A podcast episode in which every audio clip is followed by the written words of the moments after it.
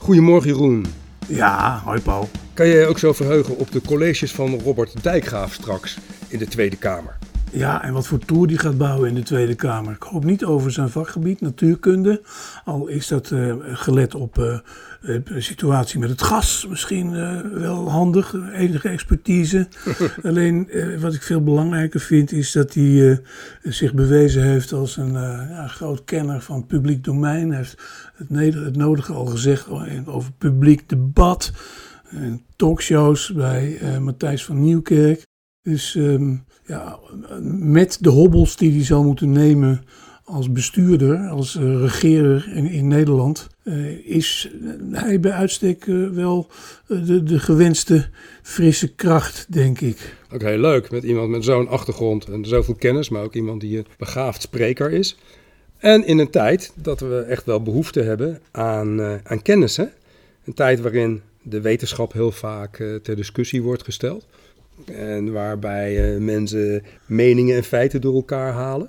Zou het wel eens uh, goed kunnen zijn als hij ons allemaal eens een lesje leert? Ja, ik denk dat, het ook goed is in de, in de ministerraad. Er komt iemand uh, met gezag en met bagage binnen.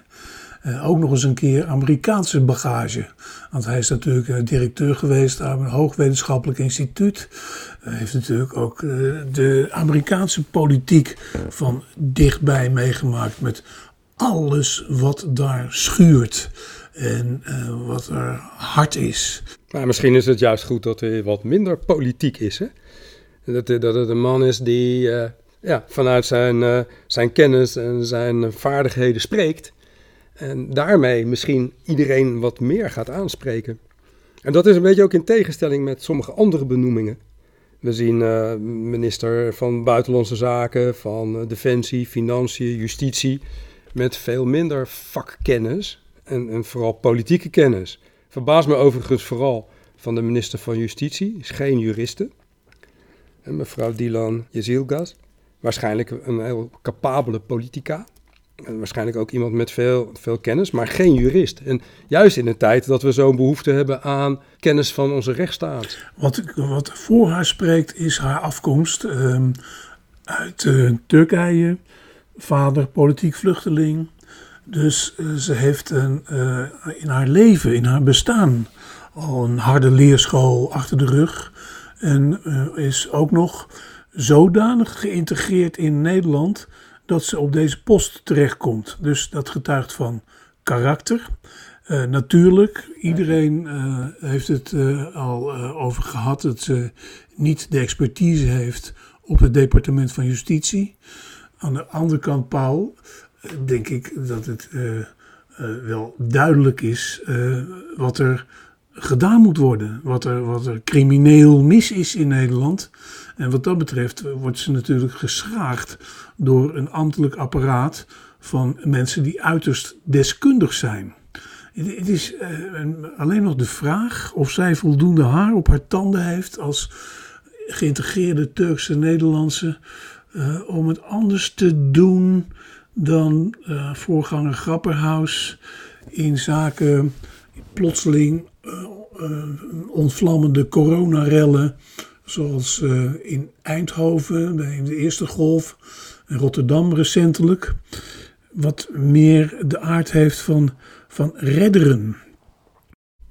Mm Waarbij minister van Justitie, je, uh, je wordt de verantwoording geroepen in de Tweede Kamer, of je moet uh, voorstellen verdedigen in de ministerraad, dan is toch ook de, de, de juridische kennis van waarop jouw voorstellen zijn gebaseerd uh, heel belangrijk. En ook hoe je de voorstellen en ideeën van anderen beoordeelt. We moeten natuurlijk kijken hoe zij presteert. Maar ik denk dat het wel een hele, hele zware opgave is om in dat domein je zo snel eigen te maken. Nou, ze is op de hoogte van de, de, de, de, troebelen. En um, ja. De mokro-maffia staat nu wel weliswaar voor de rechtbank. Maar laat zich op een of andere manier ook wel wil gelden, gelet op de arrestatie op de A2 afgelopen week. Wat ik aan de andere kant wel weer een perfect voorbeeld vind van um, politieoptreden. Anders dan bij Peter R. de Vries, die zich niet liet bewaken. Is uh, nu mogelijk uh, een, een, een, dodelijk ongeval of een, een aanslag voorkomen. Dus met, met dat soort krachten krijgt zij te maken. Maar ook wel weer een bewijs hoe onze rechtsstaat in het geding is op het ogenblik. En dat journalisten worden bedreigd. Nou, we hebben van de week gezien de fakkelman. Zo iemand die bedreigt. Er is weer iemand opgepakt die Rutte rechtstreeks had bedreigd. Het gaat niet goed. Nee, en uh, ik vraag mij af of Deziel als partijgenoot van Rutte daar toch ook niet binnenskamers meteen begint met de boel op scherp zetten. De bewaking op scherp zetten. Ja. Aan de andere kant hoor ik deze week ook weer een wetenschapper op het journaal. Die uh, zegt en beweert dat uh, de, de, mankracht er niet is. Of het de aard van het land niet is. Om zo'n fakkelman dagelijks uh, te volgen. we hebben het eerder ook wel eens gehad over onze Nationale Inlichtingendienst. Die bepaalde groepen in kaart heeft. Um, nou, wat in ieder geval het, voordeel is, de fakkelman zet zichzelf op de kaart. En um, blijkt dan ook nog eens een keer um, niet zo gevaarlijk te zijn, al is het wel heel dubieus dat hij doet, dat hij, dat hij gewoon kan worden opgepakt. Alsof hij zich graag liet oppakken. Maar goed, die man is een voorbeeld van iets waar de nieuwe minister van Justitie en Veiligheid aan moet werken minister eh, De Jonge, die reageerde op het incident door ook te verwijzen naar mensen die deze man hebben opgehitst en anderen ophitsen. De minister De Jonge die noemde hoe belangrijk woorden daarbij zijn. Maar het symbool de fakkel is, is er ook niet voor niets. Hè? In Duitsland, waar uh, grote fakkeloptochten bij de verkiezing van Hitler tot uh, rijkskanselier in 1933, en de fakkel is altijd een symbool geweest van de nazi's. We herdenken dit weekend, 9, eh, 10 november, de Kristalnacht in Duitsland. Een nacht van waanzinnig en massaal geweld tegen Joodse inwoners. En dat geweld dat is ook uitgevoerd door burgers vooral. Ja, daar waren ook, was ook SA. Maar vooral burgers hebben daar huis gehouden. Gewone mensen opgehitst. En niet tegengehouden door politie. Niet tegengehouden door autoriteiten. Nee, in tegendeel, opgehitst. Juist door mensen als propaganda-aanvoerder, eh, propaganda-minister moet ik zeggen. Ja, ja, maar het gebeurde natuurlijk wel in een klimaat wat al vijf, zes jaar gegroeid is. En maar dat klimaat groeit in Nederland ook. En dat is ook al vijf, zes jaar aan de gang. Zeker. Dat, dat was al gaande voor de coronacrisis. De mensen die via internet anderen ophitsen. Mensen die proberen om de waarheid anders voor te stellen dan die is. En de mensen voorhouden dat ze bedreigd worden. Dat ze bedreigd worden door internationale complotten. En wat dat betreft liggen er wel parallellen hoor. Ik vind dat de ware fakkel. Dat is de fakkel. Dat, het online vuur. Het vuige, giftige online vuur. Dat is de fakkel. En die wordt dan uh, nu fysiek zichtbaar in Oost-Duitsland. Juist het land met die ongelooflijke beladen geschiedenis van de Kristalnacht. Ja, ook daar waren mensen die in fakkeloptocht naar het huis van de minister van Gezondheid trokken. Dus er ligt wel degelijk een parallel. Wanneer was dat ergens in uh, november? Er liggen parallellen. Alleen vind ik de Kristalnacht, denk ik, uh, een, een, een puntgaaf voorbeeld van uh, hoe ver het kan gaan met uh, diepgaande vernietiging, de ja. uh, spontane, eh, half geplande, dan wel um, op, opgehitste, niet, niet, helemaal, um, niet helemaal georganiseerde, maar in ieder geval totaal uit de hand gelopen vernietiging die, die al veel langer werd voorbereid tegen de Joden. De schaal alleen is destijds in 38 veel en veel groter en ernstiger geweest dan wat er nu aan de hand is. Dus nogmaals, de Kristalnacht vind ik een voorbeeld van uh, wat we hier met de huidige tendensen absoluut niet moeten hebben. En, en nog, en dan heb ik het weer over de minister van Justitie. ehm, ontzettend moeten bewaken. Herinner je nog de, de dood van Pim Fortuyn? Ja. Daarna trokken er ook eh, mensen op naar het Binnenhof. Dat was best een griezelige situatie. Daar moest ik toch weer even aan denken toen ik van de week weer keek naar die beelden van het Capitool. En ik las een uitgebreid artikel in de New York Times, waarbij er ehm, teruggegrepen werd op onderzoek naar welke mensen waren dat nou? Wat waren nou dat voor mensen hè, die daar dat geweld pleegden? En dat blijkt 7 tot 80 procent van de geweldplegers, dat waren gewone burgers. Mensen die in het dagelijks leven, ja, tandarts, eh, architect, eh, eh, oud-politieman, boekhouder waren. Mensen die achter de fanfare aanliepen en voor ze het wisten onderdeel waren van een mop, van een menigte. En, en hun agressie en, en, en, en angsten en alles de vrije loop lieten en daardoor gewoon verschrikkelijk gewelddadig worden. Dat zegt ook iets over een sfeer in zo'n samenleving die aan het ontstaan is. Wat dat betreft maak ik me best wel zorgen. En wat dat betreft is, uh, is zo'n verschijning van een man met een aantal anderen met fakkels voor de deur van een minister in Nederland. Dat is toch een hele kwalijke zaak. Ik las ook trouwens dat er nog steeds meer journalisten worden bedreigd op dit moment. Mogelijk. Uh, ik denk uh, dat het toch ook weer mogelijk moet zijn dat uh, omroepen uitrukken met hun logo's op hun wagens. Maar je noemde net over woorden gesproken. Ja. Hugo de Jonge had het over de kracht van woorden, maar je noemde er net al een paar: angst en agressie.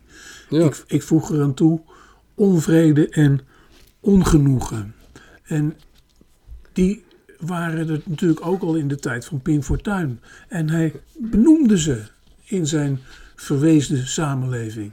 Zo, Mhm. zo diep is het geworteld. Zo hardnekkig is het. Maar je wijst op woorden die een verklaring bieden. Hè? Maar bedoelde de minister niet meer woorden die leiden tot die ophitsing? Woorden als uh, het regime, de door de World Economic Forum aangestuurde bewindslieden, het teruggrijpen op complottheorieën. Als je teruggaat naar die kristalnacht, een complottheorie was een achtergrond van het geweld. Als je kijkt naar het kapitool, twee complottheorieën ja. die zijn daar als basis van het geweld te herkennen. Ten eerste de stiel, hè, dat democraten de verkiezingen zouden hebben gestolen. En daarnaast het idee dat de democraten uh, ook bezig waren met een soort great reset. En racistische theorie ook nog van de replacement. En dat werd ook in, zelfs in protestmarsen geroepen, waar men zei dat immigranten de oorspronkelijke bewoners zouden vervangen. En dat bewust gebeurde. Nou, daar heb je weer een woord, bewust. Je hoort in Nederland mensen van, uh, ja, wat ik dan noem verdacht allooi, via het internet, maar ook nu al in de Tweede Kamer vaak noemen dat vluchtelingen worden gehaald. In plaats van dat mensen vluchten niet anders kunnen. Dat zijn woorden, uh, symbolen, dat zijn complotten die mensen verenigden. En uit die vereniging kan wel degelijk een hele gevaarlijke situatie ontstaan. We hebben de moord op mevrouw Borst gehad. We hebben de moord op Fortuin gehad. Dit was dan een zwakkig mens, maar voor hetzelfde geld komt daar een, een heel fanatieke griezel. En er was geen politie aanwezig. Die mensen konden tot voor die deur komen. En die, die kwamen zeer dichtbij. Ik vond het zeer beangstigend. En ik vind het een enorme bedreiging voor ons democratisch functioneren. En ik vind het een enorme uitdaging voor de politici om daar wat aan te doen. Nou ja, precies. Daar ben ik heel benieuwd naar. Of, of, uh, of, ze, dit, uh, of ze het ook wagen. Wat zouden we eraan kunnen doen? Heb je een idee? Preventie, ja. Waakzaamheid. Maar hoe lang laten we die mensen op internet hun gang gaan? Mensen die de meest bizarre onzin verspreiden. Maar mensen die ook andere mensen ophitsen om in actie te komen. En zelf uh, zich uh, verschonen van dat soort zaken. Mensen die beginnen over tribunalen, we hebben het eerder over gehad. Mensen die zeggen dat Nederlandse bestuurders onvrij zijn, maar aangestuurd worden door Klaus Schwab van het World Economic Forum, et cetera. Ik hoorde deze week Bas Heijnen in een aardige uitzending bij M. dat tribunaal ook noemen. En dat het hem tegenviel dat ze dan in de Tweede Kamer niet gewoon een beetje gaan zitten zuigen. Zo van. Uh... We hebben Pieter Omzicht gehad, die dat ja. wel heeft gedaan. Op een voortreffelijke ja. manier. Was de enige en eerste die daadwerkelijk het debat aanging. En dat deed op basis van kennis. En uh, uiteindelijk ook zo iemand dan voor schut zet. Nou ja, dat is dus uh, over, uh, voor, over een oplossing of, of um, een uitweg gesproken. een voorbeeld van hoe het kan op het niveau van de Kamer. het -hmm. gebeurt natuurlijk ook in allerlei talkshows en in een en al analyse en, en hints in de, de, in de gewone media. Het is alleen wat jij ook um, andermaal uh, al vaker in Hakketak schetst, zo wijd verbreid dat je um, het heel moeilijk tegengaat. Het is een uh, zeer manifeste, wijdvertakte online onderstroom in deze samenleving, die je alleen maar kunt tegengaan, deels, zeg ik, deels, niet volledig. Um, door uh, mensen als ontzicht en door permanent tegengas in radio en televisie, in de media, in ja. het onderwijs. Hè? Uh, Dijkgraaf. Ja, zo kwamen we er ook op. Hè? Robert Dijkgraaf, ga, ga op dat punt, zet op, op dat punt is een, een duidelijke streep. En het -hmm. punt is, Paul, dat soort boodschappen komen natuurlijk wel goed aan bij, laat ik zeggen, verstandig, gezond deel van de samenleving. Er wordt geschat op zo'n 80 procent. Um, alleen diegenen die van andere gedachten, van gedachten zouden moeten veranderen, zitten zo vast in hun uh, denken dat die heel moeilijk te hersenspoelen zijn. Dus het, het is nog, dat is nog een hele opgave, denk ik. En om de 80 procent, hè, de, de Centraal Cultureel Planbureau, die geeft dan zo'n jaarrapport uit. En dat gaat dan over vertrouwen in de instituties, vertrouwen in de regering historisch laag. Die onvrede zit veel dieper. En we hebben nu nog, uh, nog redelijk goed. Maar kijk, we hebben nu een nieuwe kabinet. Dat komt met heel veel plannen. Maar het kabinet benoemt niet echt de oorzaken van alle problemen. En we zeggen, nou, we zijn problemen. Nou, die problemen gaan we oplossen. Wat hebben we daarvoor? Een hoop geld. Daar maken we een hoop schulden voor. Intussen tijd loopt de inflatie op. Heeft een bepaald risico. Maar misschien liggen de oorzaken van de onvrede en de onrust ook wel veel dieper en veel breder. En zouden we daar ook eens naar moeten kijken. Om me heen hoorde ik mensen steeds klagen. En ik zelf kan me ook verschrikkelijk ergeren aan dingen. Die hele digitalisering van die samenleving. Er zijn zoveel mensen die daar een bloedhekel aan hebben. Die hele vercommercialisering, het verdwijnen van de middenstand. Het, um, het gevoel dat je uh, ja, niets meer zelf kunt kiezen. Dat is heel breed. En dat, dat zien we nauwelijks terug. Een, een mooi voorbeeld, hè?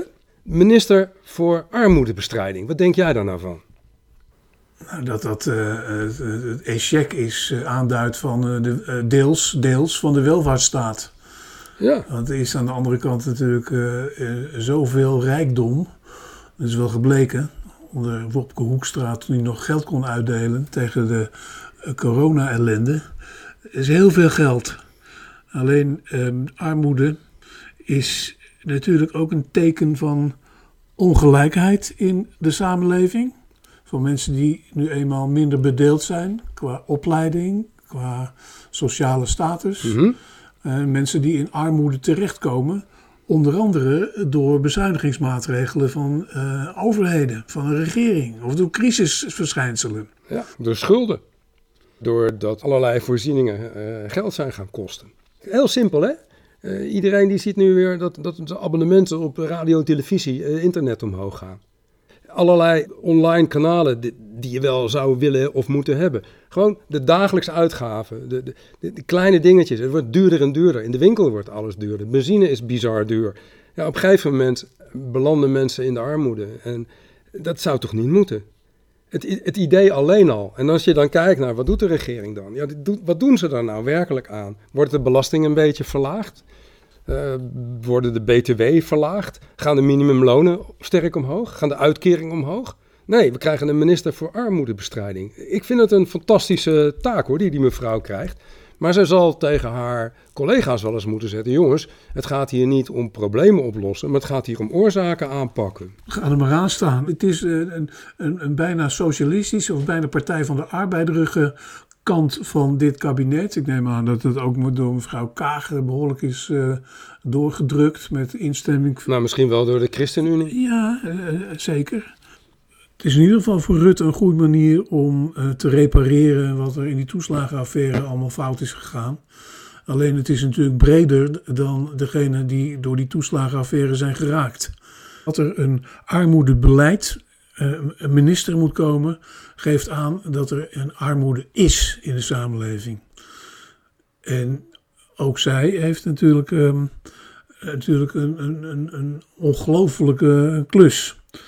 Ja, maar Jeroen, armoedebeleid. Dus je, je gaat beleid voeren op armoede. Nee, je moet beleid voeren tegen armoede. Dus het moet zo zijn dat de minister voor armoedebeleid al overbodig wordt op het moment dat, dat de nieuwe regering begint. We gaan dit op deze manier aanpakken. We jagen de armoede het land uit. En we gaan dat zo en zo en zo en zo doen. Dat is in ieder geval wel, denk ik, zaak ook voor, voor Carole Schouten om het armoedebeleid niet uh, te laten verworden tot armoedig beleid. En, en, en, dat is natuurlijk de grote omslag die, die moet worden gemaakt. Over woorden gesproken. Vertrouwen. Eh, dat, uh, dat hing als een groot woord boven de actualiteitsdiscussie van rond de, het nieuwe kabinet. Vertrouwen. Wat gebeurt er? Meneer Blok moet op het laatst van zijn demissionaire ministerschap toch toegeven dat hij toch extra, extra gas nodig heeft uit Groningen. Nou, daar zit je. Ja, Duitsland heeft het nodig, hè? Die energie, jongen, daar zitten nog heel wat probleempjes aan. Nou, ik, dat geeft, wat mij betreft, over vertrouwen gesproken, uh, de, de, de, ook aan. Laat Dijkgraaf het me zo maar eens uitleggen als hoogleraar. Dat geeft ook weer eens aan uh, dat dit probleem niet van uh, een enkele natie is, maar dat het, dat dit, dat het grensoverschrijdend is. Het gaat, gaat, over energie, het gaat over mensen hebben, mensen hebben gas nodig. Er zijn nog de gewenste um, intrinsiek veilige kerncentrales die er moeten komen, zijn er nog lang niet gebouwd. En act, actueel, is er, actueel is er gasnood. Dus daar ga je met je beleid. Maar er is leuks, kan het oplossen in één keer. Moet je luisteren, Jeroen. Wij gaan kerncentrales bouwen en de gascentrales gaan dicht. En in België, dan gaan de kerncentrales dicht en gaan ze gascentrales bouwen. Als we nou fuseren, hebben we het probleem opgelost. We fuseren met België, klaar. Laten we dan ook maar proberen om een uh, eenduidig beleid in zaken de kwaal, uh, corona, uh, te bedisselen samen met z'n allen, toch? Maar Jeroen, kernenergie? Je noemt het. Is de oplossing? Bij de huidige problematiek met het gas is wel duidelijk dat er andere bronnen van energie moeten worden aangesproken. In mijn vakantie was ik in het oosten van Duitsland. Daar stoken ze nog gewoon kolen. En gas is wat dat betreft relatief nog steeds heel schoon. En uh, kernenergie, ja, het afval, ja. er hoeft maar één keer iets mis te gaan en is een, een enorme ramp. Ik, ik vind het heel griezelig. We hebben die hele opslag niet opgelost, we hebben de problemen niet opgelost. Het is heel kostbaar. Nee, we zijn er nog lang niet wat dat betreft. Nee, en daarom uh, is het ook goed dat uh, we zo ruim bedeeld zijn in de nieuwe ploeg van Rutte. Met ministers die zich op dit punt heel erg hard moeten maken.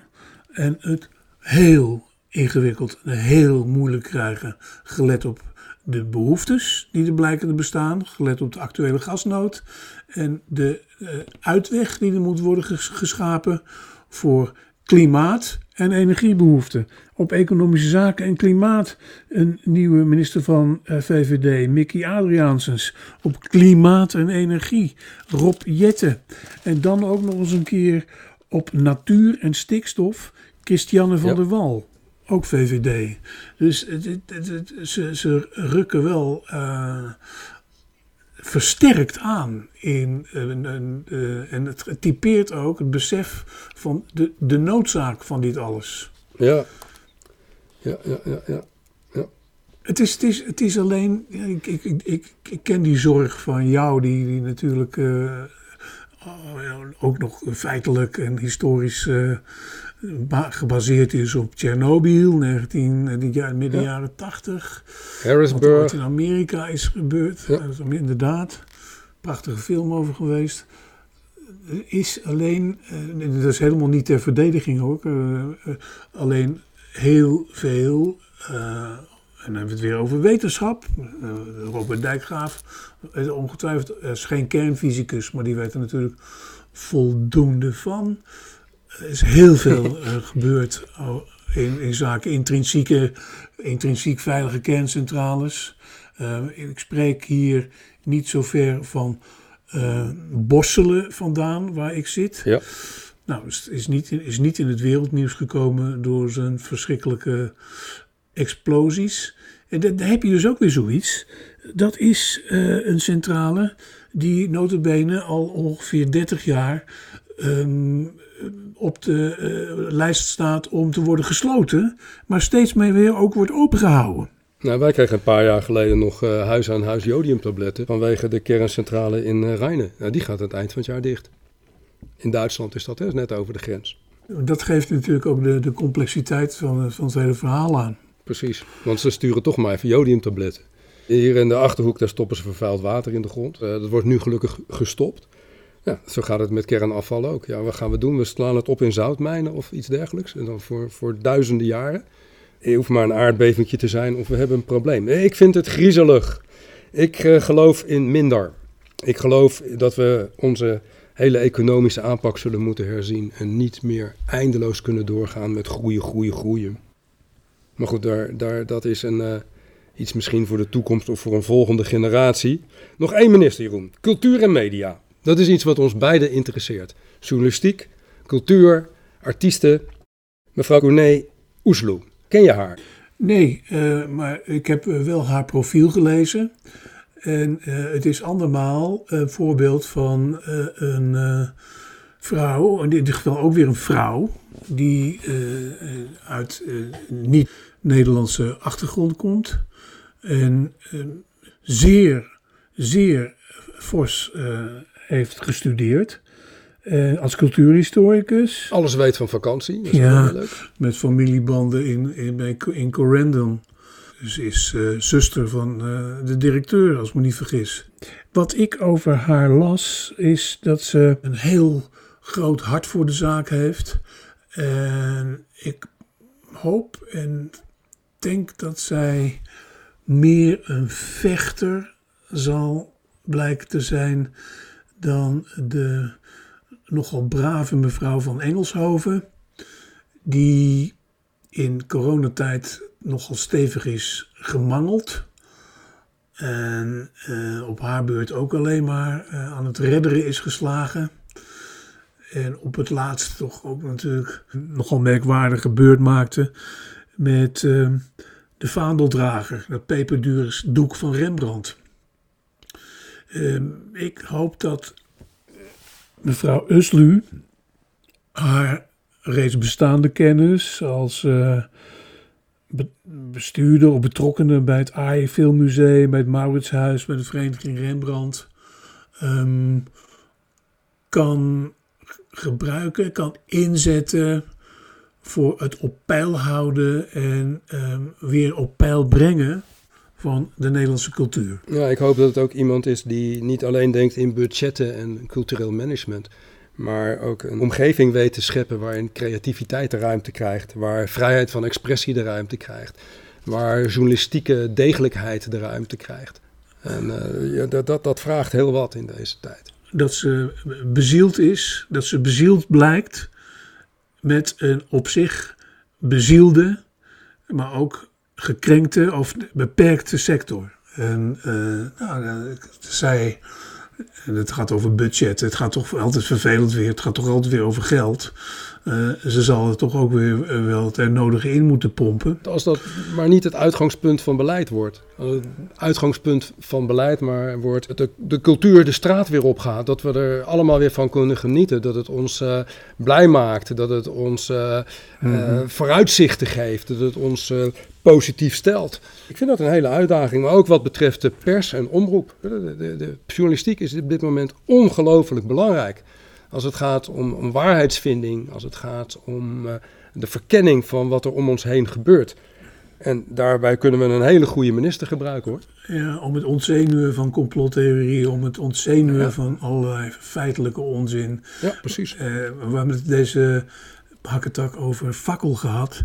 Uh, wat mij het eerste dan te binnen schiet, over woorden gesproken, is vuur. En het gaat ook over vuur voor cultuur.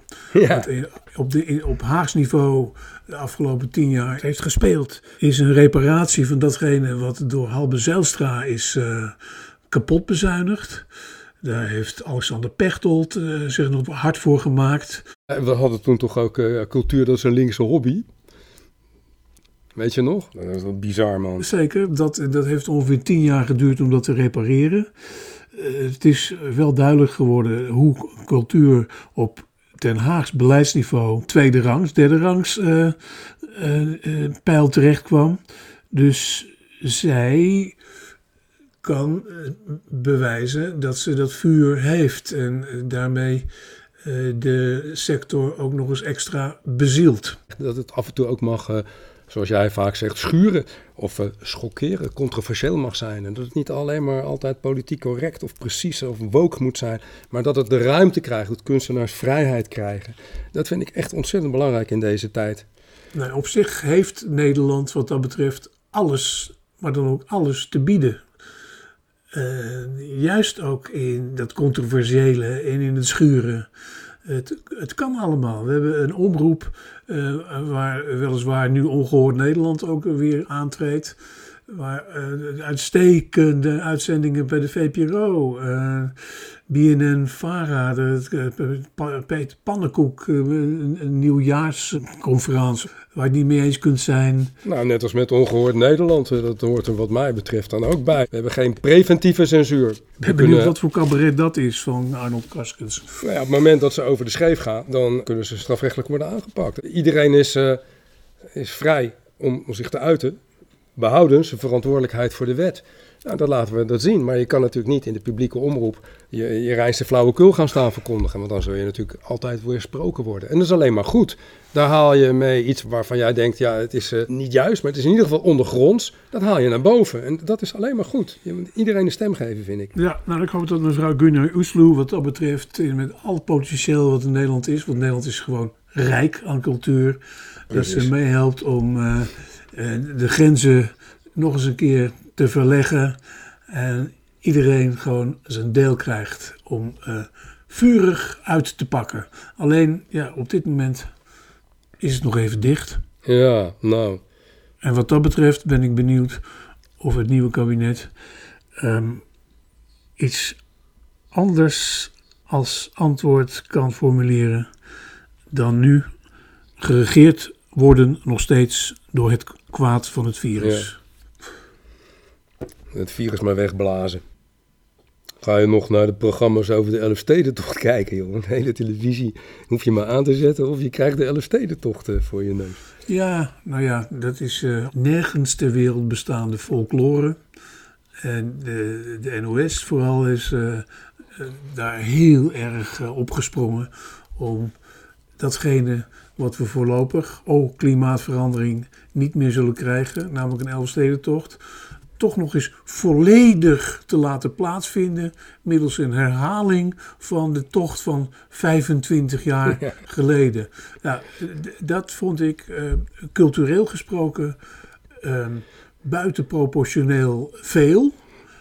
En, ja, ik voel me daar zeer ongemakkelijk bij, moet ik ja, zeggen. Eh, dat was alleen de NOS natuurlijk eigen om op die manier nog eens even zijn plaats in de samenleving te laten zien door het volk een, een soort spelen te bieden die er niet meer zijn in, lock, in lockdown-tijd. Hey, laten ze zich meer druk maken over het brood in deze tijd van oplopende inflatie. Ja, en spelen, en spelen.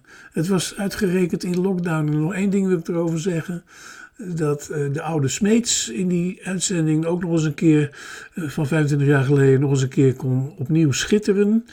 Uh, in zijn interview met de toenmalige Elfstedenvoorzitter Henk Kroes. Met de vaststelling dat we elkaar voortdurend in de haren zitten. Behalve op de dag van de Elfstedentocht. Ja, zegt Kroes, dat komt door het ijs. Dat verbindt alles. Zegt Smeets nog. Um, misschien zijn we toe aan een ijstijd. En ook nu denk ik dan, Paul, misschien moet het nog even gaan vriezen.